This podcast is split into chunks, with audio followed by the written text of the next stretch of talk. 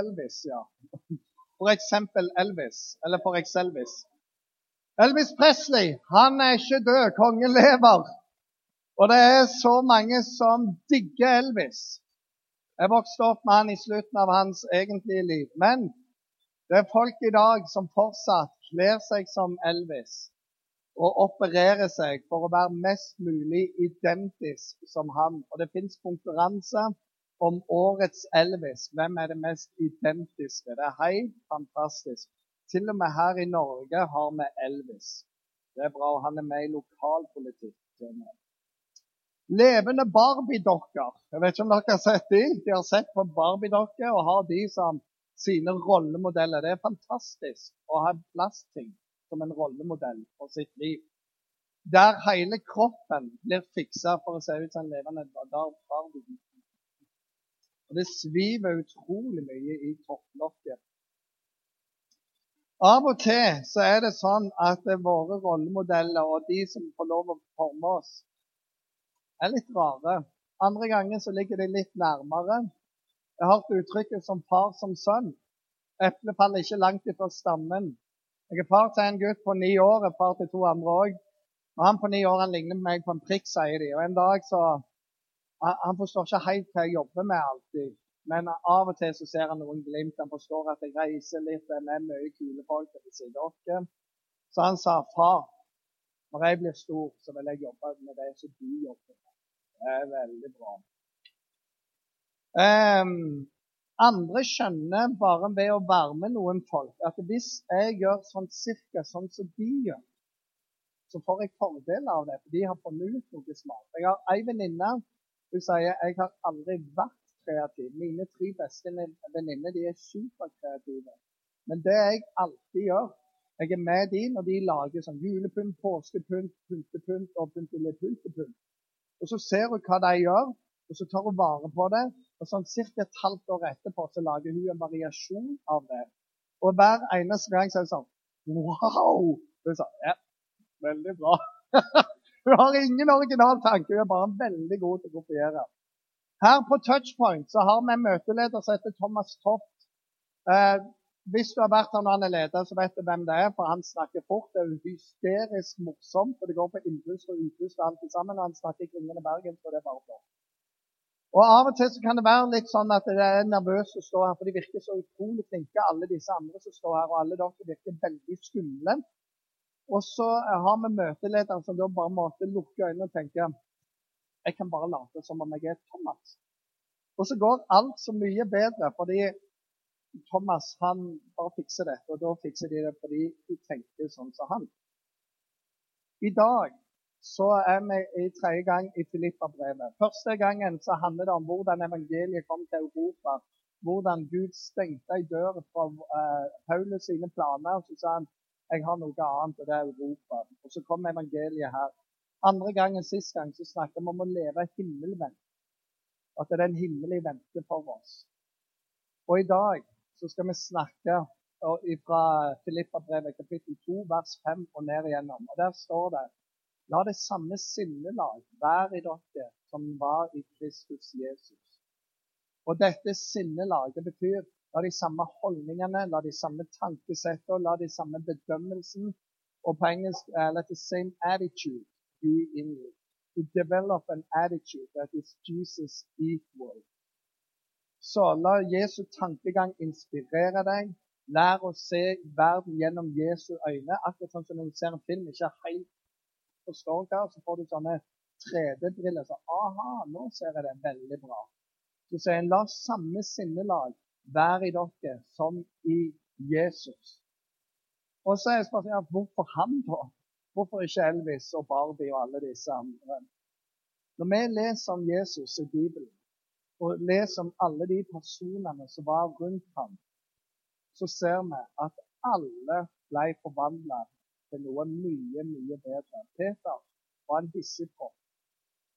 Han ble en etterfølger, og han var en, en radikalt god etterfølger. Han ble en leder. Thomas var en tviler. Han tvilte og tvilte hele livet. Og så får han møte Jesus på ny og på ny, og så blir han bare en som bringer evangeliet langt, langt, langt inn mot India. og har starta noen av de eldste kirkene som fins i verden i dag. Paulus var en kaldblodig forfølger av alle kristne. Drepte de han fant, og fengsla de han fant. Og han blir noe av det mykeste som er. Og, og, og det som er hans snuoperasjon, den gikk ifra å være rimelig rå til å ofre alt sjøl for å mulig redde andre. Det er noe med Jesus som gjør at du bare endrer karakter. En av mine favoritter det er Sakkeus, han lille mannen som klapper opp i et jordbærtre, eller morbærtre som det egentlig står. Og Han var en toller, og tollere det var den verste avskummet. For de snøyt deg alltid på penger, og de fråtsa på dine vegne. Og så møter han Jesus, og det møtet er så livsforvandlende at han ender med bare å dele ut det han har til fattige, og for å betale folk tilbake igjen. Og det han fant noe som var større. Det er noe med Jesus som gjør at når du er med ham, så forvandles du til noe helt annet, mye bedre. Og noen av de tingene som kommer inn i livet ditt, det er når du møter Jesus kjærlighet så får du mer kjærlighet til andre mennesker. Når du møter Guds tilgivelse gjennom Jesus, og bare opplever det Han sier, vet du hva, det du har bekjent for meg, jeg har tilgitt og jeg rensa deg, så bærer det med seg en sånn frihet at du kan gi frihet til andre. Skuldrene senker seg, og du kan leve på en helt ny måte. Det er noe av det som er med Jesus, som ikke Barbie-dokker kan gjøre for deg, og ingen andre enn Jesus. Og det som er det ultimate med det, det er at han frelser deg. Han frelser deg fra alle disse tingene, og så sender han deg på vei til himmelen òg, med en plan å leve her og nå. Så Jesus er et annerledes forbilde, om du vil. For Jesus sinnelag det er noe som former deg. Og her er greia med kristen karakterbygging. Når du har blitt en kristen, så er faktisk målet å bli likere og likere Jesus. For Jesus ligner på Gud. Og når du ligner, ligner mer på Jesus, så viser du mer av Guds karakter til alle som er rundt deg. En annen ting med denne karakterbyggingen det er at den starter innenfra. Den kommer ifra hjertet ditt. Ikke sånn at du må gjøre en hel haug. Nå leser jeg det når vi bare gjør sånn. Men det kommer som en frukt i livet, i livet ditt.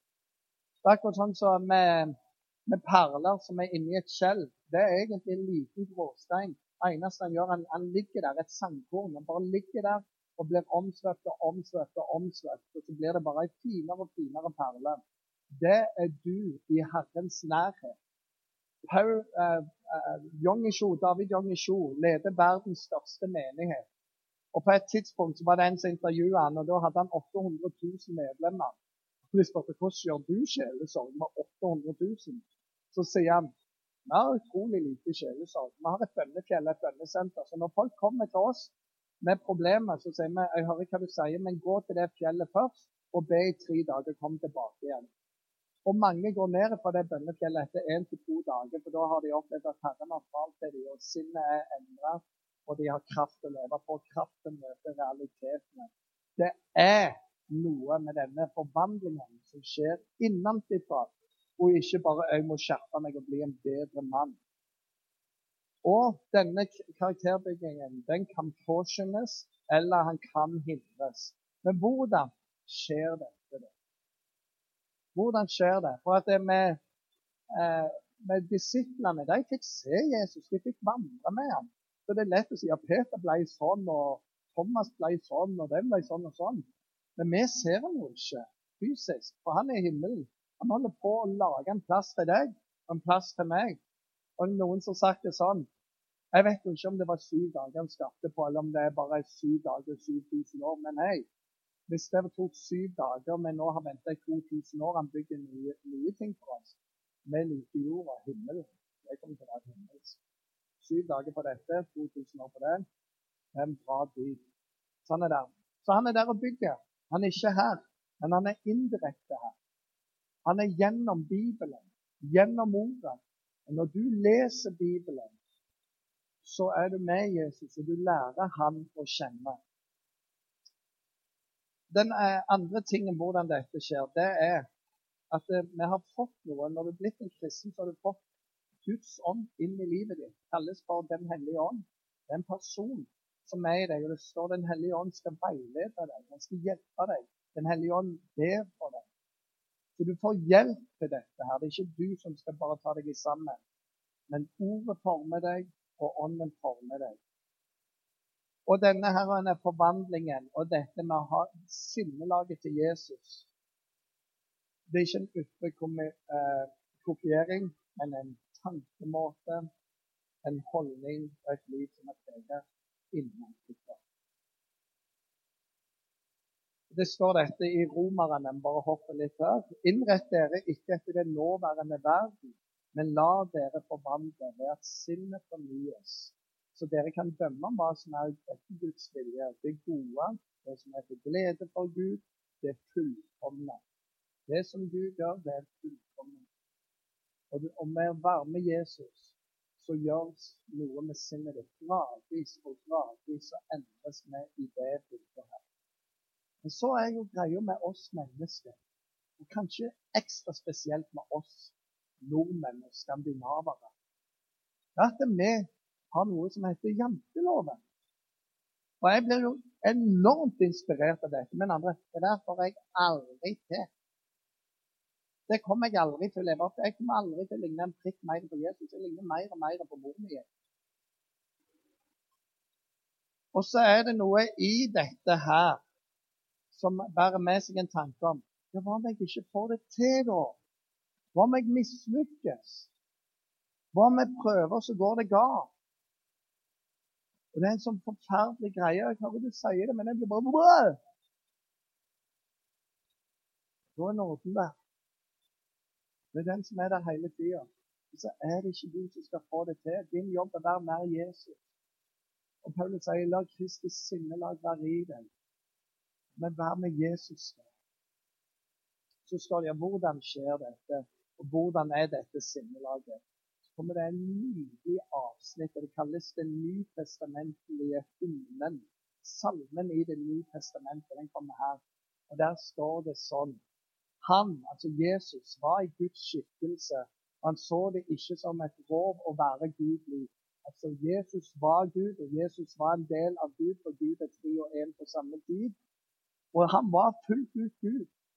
Neste vers. Men han ga avkall på sitt eget. Han ga avkall på å være Gud. Tok på seg en tjeners skikkelse og ble menneskelig. Da han sto fram som et menneske. da han kom ned til jorda, så ga han avkall på det. Fullt ut Gud og fullt ut menneske. Med avkall på alt det der Han levde som et menneske. Og så da han eh, sto fram som et menneske, fornedra han seg sjøl. Han fornedrer seg. Det betyr å gå unna din verdighet, unna din standard. Kle deg ned, sånn at ingen sier Wow! det bare, hvem er det der? Fornedre seg sjøl og blei lydig til døden. Ja, til korsets død. Derfor har også Gud opphøyd ham over, eh, til det høyeste mann og gitt ham navnet over alle navn. I Jesu navn skal hvert derfor hvert nedbøye seg i himmelen og på jorden og under jorden. Og hver tunge skal bekjenne at Jesus Kristus er Herre til Gud har seg. Det er dette sinnelaget. For det første, han ga avkall på sitt eget. Stikk motsatt med den kultur, kulturen som sier hvis du skal komme deg fram, så må du albue deg fram. Du må gripe sjansen. Du får bare klappe over lik hvis det er det som skal til. Og, og så sier han det er jo ikke sånn som det er. Det er sånn at det, noen de, de reiser seg opp for å bøye andre ned, mens andre de bøyer seg ned for å løfte andre opp. Og Jesus han bøyer seg ned for å løfte oss opp. Det er jo det som er det unike med den kristne tro. Gud som kunne dømt oss til helvete og way beyond. Han blir heller menneske. Han bøyer seg ned. Han gir avtale fordi han vil relasjon. Han vil ha oss.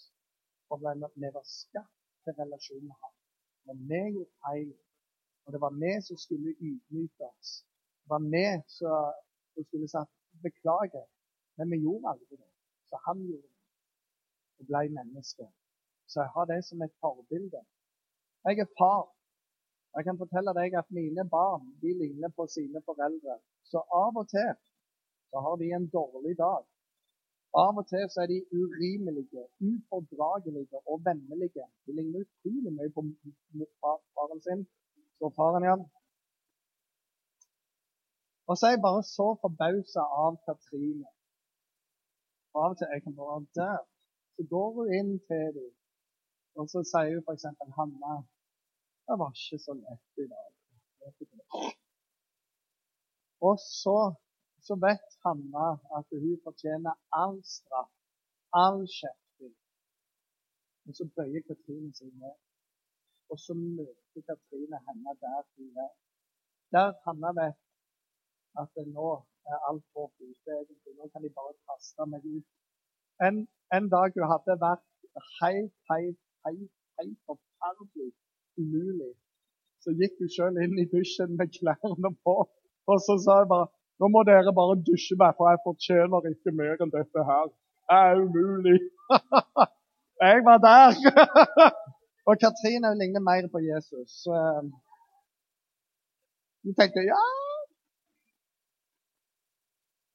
Av og til så har du gått deg sånn bort. Fordi når vi er mer voksne, så er det bare litt mer raffinert måte å gjøre ting på. Og når vi vet at vi fortjener straff, vi fortjener kjeft, og vi forventer det, og blir møtt med nåde istedenfor, så er det jo noe som smerter i oss. Vi vet det ufortjent. Og så trenger vi For Jesus skal avtale for sitt eget, og så sier han vær sånn som av det sinnelaget. Ikke ri din høye hest, men bøy deg ned. Bibelen har flere historier på dette, hvordan dette skjer. Og en av de mest kjente historiene det er en lignelse som kalles lignelsen om den bortkomne sønn. Og Det er da en, en, sønn som sier til sin far gi meg arven min. Det betyr far, jeg regner deg som det, jeg regner de andre som død. Bare ryk og reis, gi meg pengene, jeg vil leve mitt liv. Leve det i sus og dus, bare feste og party, så går det med easy money in, easy money out, og så var han plutselig skikkelig fattig og bare spiste grisemat. Og for en jøde så er det totalt utenkelig å spise en gris. Og når du ikke får lov å spise en gris engang, men bare maten som grisen skal spise, da har du kommet langt ned. Faren var en rik mann, han var en verdig mann. Og verdige menn de går aldri fort, og de løper absolutt aldri. For det er uverdig. Men det står at når denne sønnen kom til seg sjøl etter han har sløst vekk alt, så tenkte han jeg vil heller være slave hos far, for min far er en god mann. Jeg fortjener ikke være sønn. Jeg fortjener ikke jeg kan være en slave. Men langt borte så ser faren ham, og faren bryr seg katten om hva som heter anstendighet og verdighet. For det er noe i ham som har en lengsel etter sønnen hvor han bare Jeg har lengta etter min sønn. Jeg har bedt for han hele tida. Han var bortkommen.' Og der er han. Og det er bare noe med en fars kjærlighet. Når den er sunn, sånn som Gud vil, så bare åpner han opp armene. Han bøyer seg ned og kaster seg rundt sønnen. Og sønnen får en ufortjent nåde. Han har avtalt på sitt eget. Fordi Alltid så ser Jesus andres verdi. Han ser ikke vår posisjon og våre nakkelapper. Jesus døde ikke på bomse. Jesus døde ikke for prostituerte. Jesus døde for Lars og for Wenche og for Hilde og for alle som har et navn. Noen av dem kan òg leve som bomser og andre ting. Men Jesus ser aldri en boms. Han ser et menneske. Hvert menneske er verdifullt for Jesus. Det er så verdifullt at han bare la all verdighet Han ga avstand for sitt eget. Og dette sinnelaget til Jesus, det kan prege deg. Du gir avtale på ditt eget for å, å møte noen, som ligner du Jesus. Vet du hva å gi avtale på? Det er til pengene dine. Du gir penger.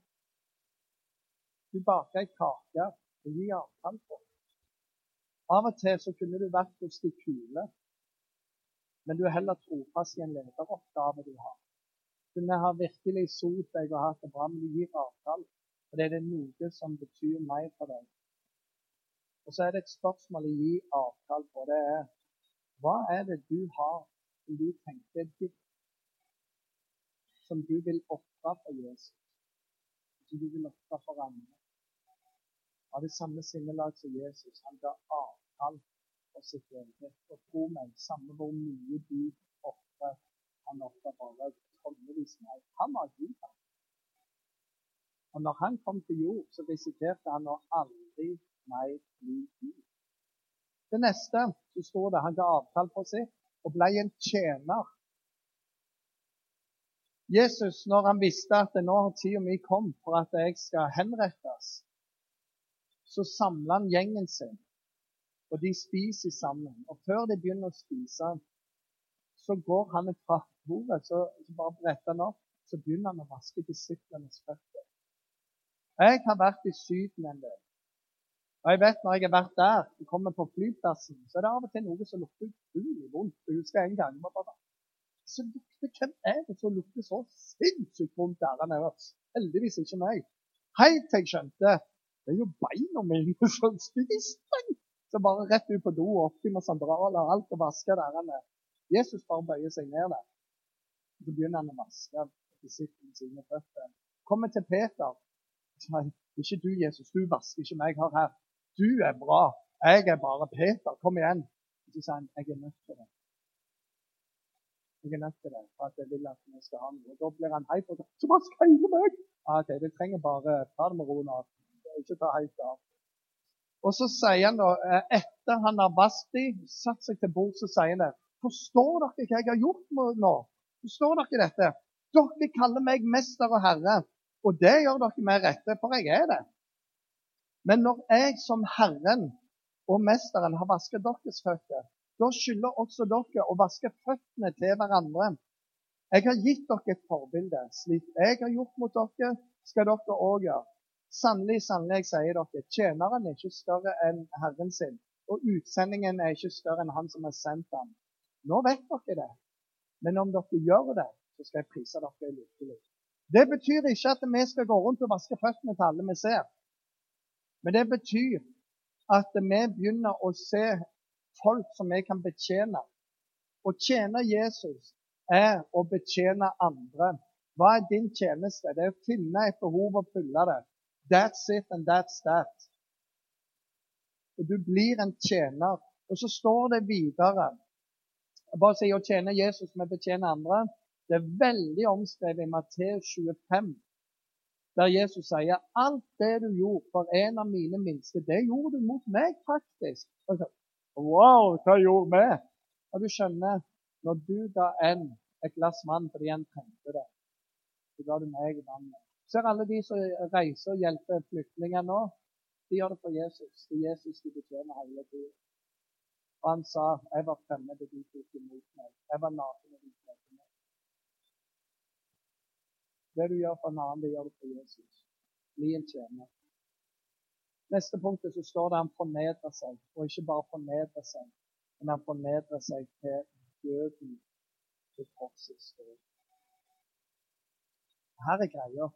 Jesus i sitt liv, så har han denne kontakten med Gud Fader. Han lever i bønn hele tida. Bønn er noe av det mest mektige du har i livet ditt. Han går der og snakker, og han sier jeg sier ingenting uten at jeg har hørt min far si det, og jeg gjør ingenting uten at jeg har sett han gjøre det. Og så viser hans far han Jesus her er livet som du skal gjennom. For du skal dø på den mest grusomme måten som er kommet opp til å dø på. Det er lov til. For Jesus ber en bønn som er så sinnssykt radikal. Han sier far, hvis det er mulig, så la det begeret der gå meg forbi. La meg slippe det, for det er bare det er helt grusomt. Så sier han, men ikke sånn som jeg vil, men bare sånn som du vil. Bare sånn som du vil. Vi lever for noe som er større enn oss. Jeg er villig til å lide, jeg er villig til å dø bare det kan frelse på. Og du lurer fortsatt på hva skjer hvis jeg ikke klarer det? Han ofrer livet for deg. Han tenker bare gode tanker om deg. Så hvor mye elsker du andre? Hvor mye er du villig til å gi til andre? Hvor mye lengter du etter dem? I våre relasjoner så, så blir det av og til komplisert. Vi setter opp murer mot hverandre.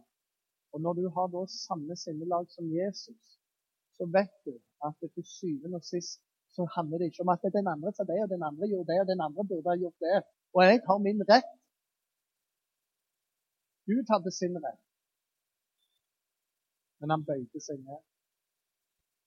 Og av og til så må vi òg fornedre oss og si samme hvem det var, samme hvor mange sår jeg har fått. Jeg vil at den relasjonen skal. Og så går du. Så går du ned ydmykt. Av og til er det så fornedrende at du har lyst til noe annet samtidig som du har lyst til dette. Og Da trenger du bønn. Da trenger du den nærheten. Men det går. Jesus kan forandre hvilken som helst relasjon Sånne gode venner som har ødelagt all familie, som nå sitter og feirer jul sammen med alle sammen. Det er nydelig å se på. Den som lengter etter relasjonen, vet Gud er han.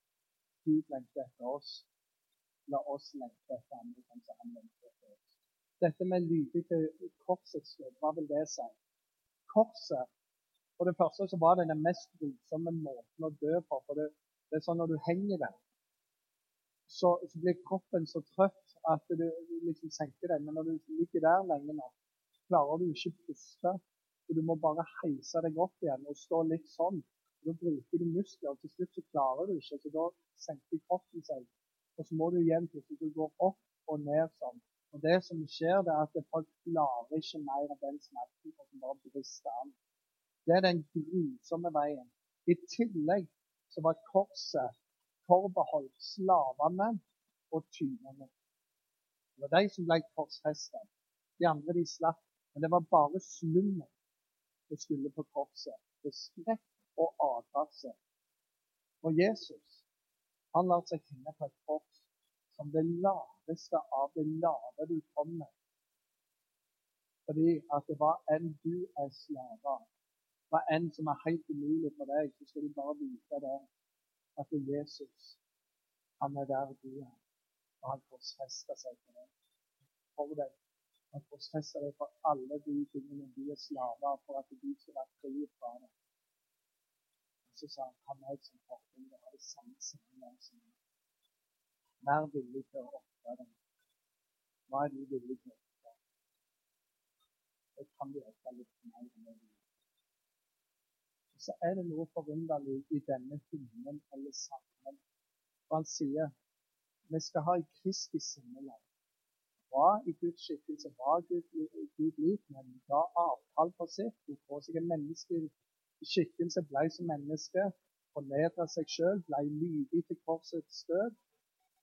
Alt hele det med en går bare nedover. seg. Og når du plusser det med pluss, pluss, pluss, pluss, er lik, så står det bare derfor har Gud opphøyd ham over andre mann. Her er greia. Når Kristus vinner skikkelse i oss, så ligger det en premie for oss i himmelen. Og Jesus begynte å ta imot oss han sier, 'Vel gjort, kloke, tro tjener'. Vel gjort. Og så vet vi at vi er underveis. Paulus skriver i kapittel 3 i Filippa-brevet jeg mener ikke alt at jeg har nådd alt dette her, eller at jeg alt er fullkommen. Men jeg jager fram det for å gripe det, for jeg er sjøl grepen av Jesus. Mine søsken, jeg tror ikke om meg sjøl at jeg har grepet det. Men én ting gjør jeg. Jeg glemmer det som ligger bak, og jeg strekker meg mot det som ligger foran. Og jager fram mot målet, mot den seiersprisen Gud har kalt meg til i Kristus Jesus. Det er så nydelig. Hør, ingen av oss har grepet det. Ingen av oss er fullkomne i oss sjøl. Vi er gjort fullkomne i Jesus, men i oss sjøl er vi ikke det. Vi vil ha seier, vi vil ha nederlag. Men la oss glemme det som ligger bak, og la oss fokus framover. La oss jage fram mot det. Det er en seierspris i himmelen der. Og så er det noen bokstaver som av og til hjelper meg en del, og det er bokstavene PBPWMGINF WMY. Jeg skulle hatt det her. Hadde det før. Og det betyr Please be patient with me. God isn't finished with me yet. Det betyr du har lov å tappe. Faller du, så faller du bare i Herrens hender. Herrens hender er nådig. Han er for deg.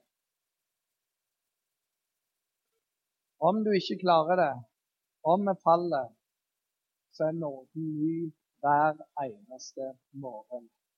Sann historie. En kinesisk pastor ble fengsla for sin tros skyld. Han ble satt til å vaske latrinene, han ble satt til å vaske cellene. Og Folk urinerte, de bæsja overalt, og han vaska der. Han vitna om Jesus hele tida.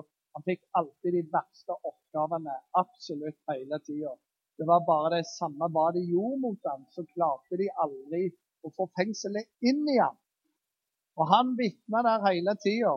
Og de, de, kunne jo ikke fengsle mer, for de hadde jo allerede gjort det. Så han bare vitna for alle.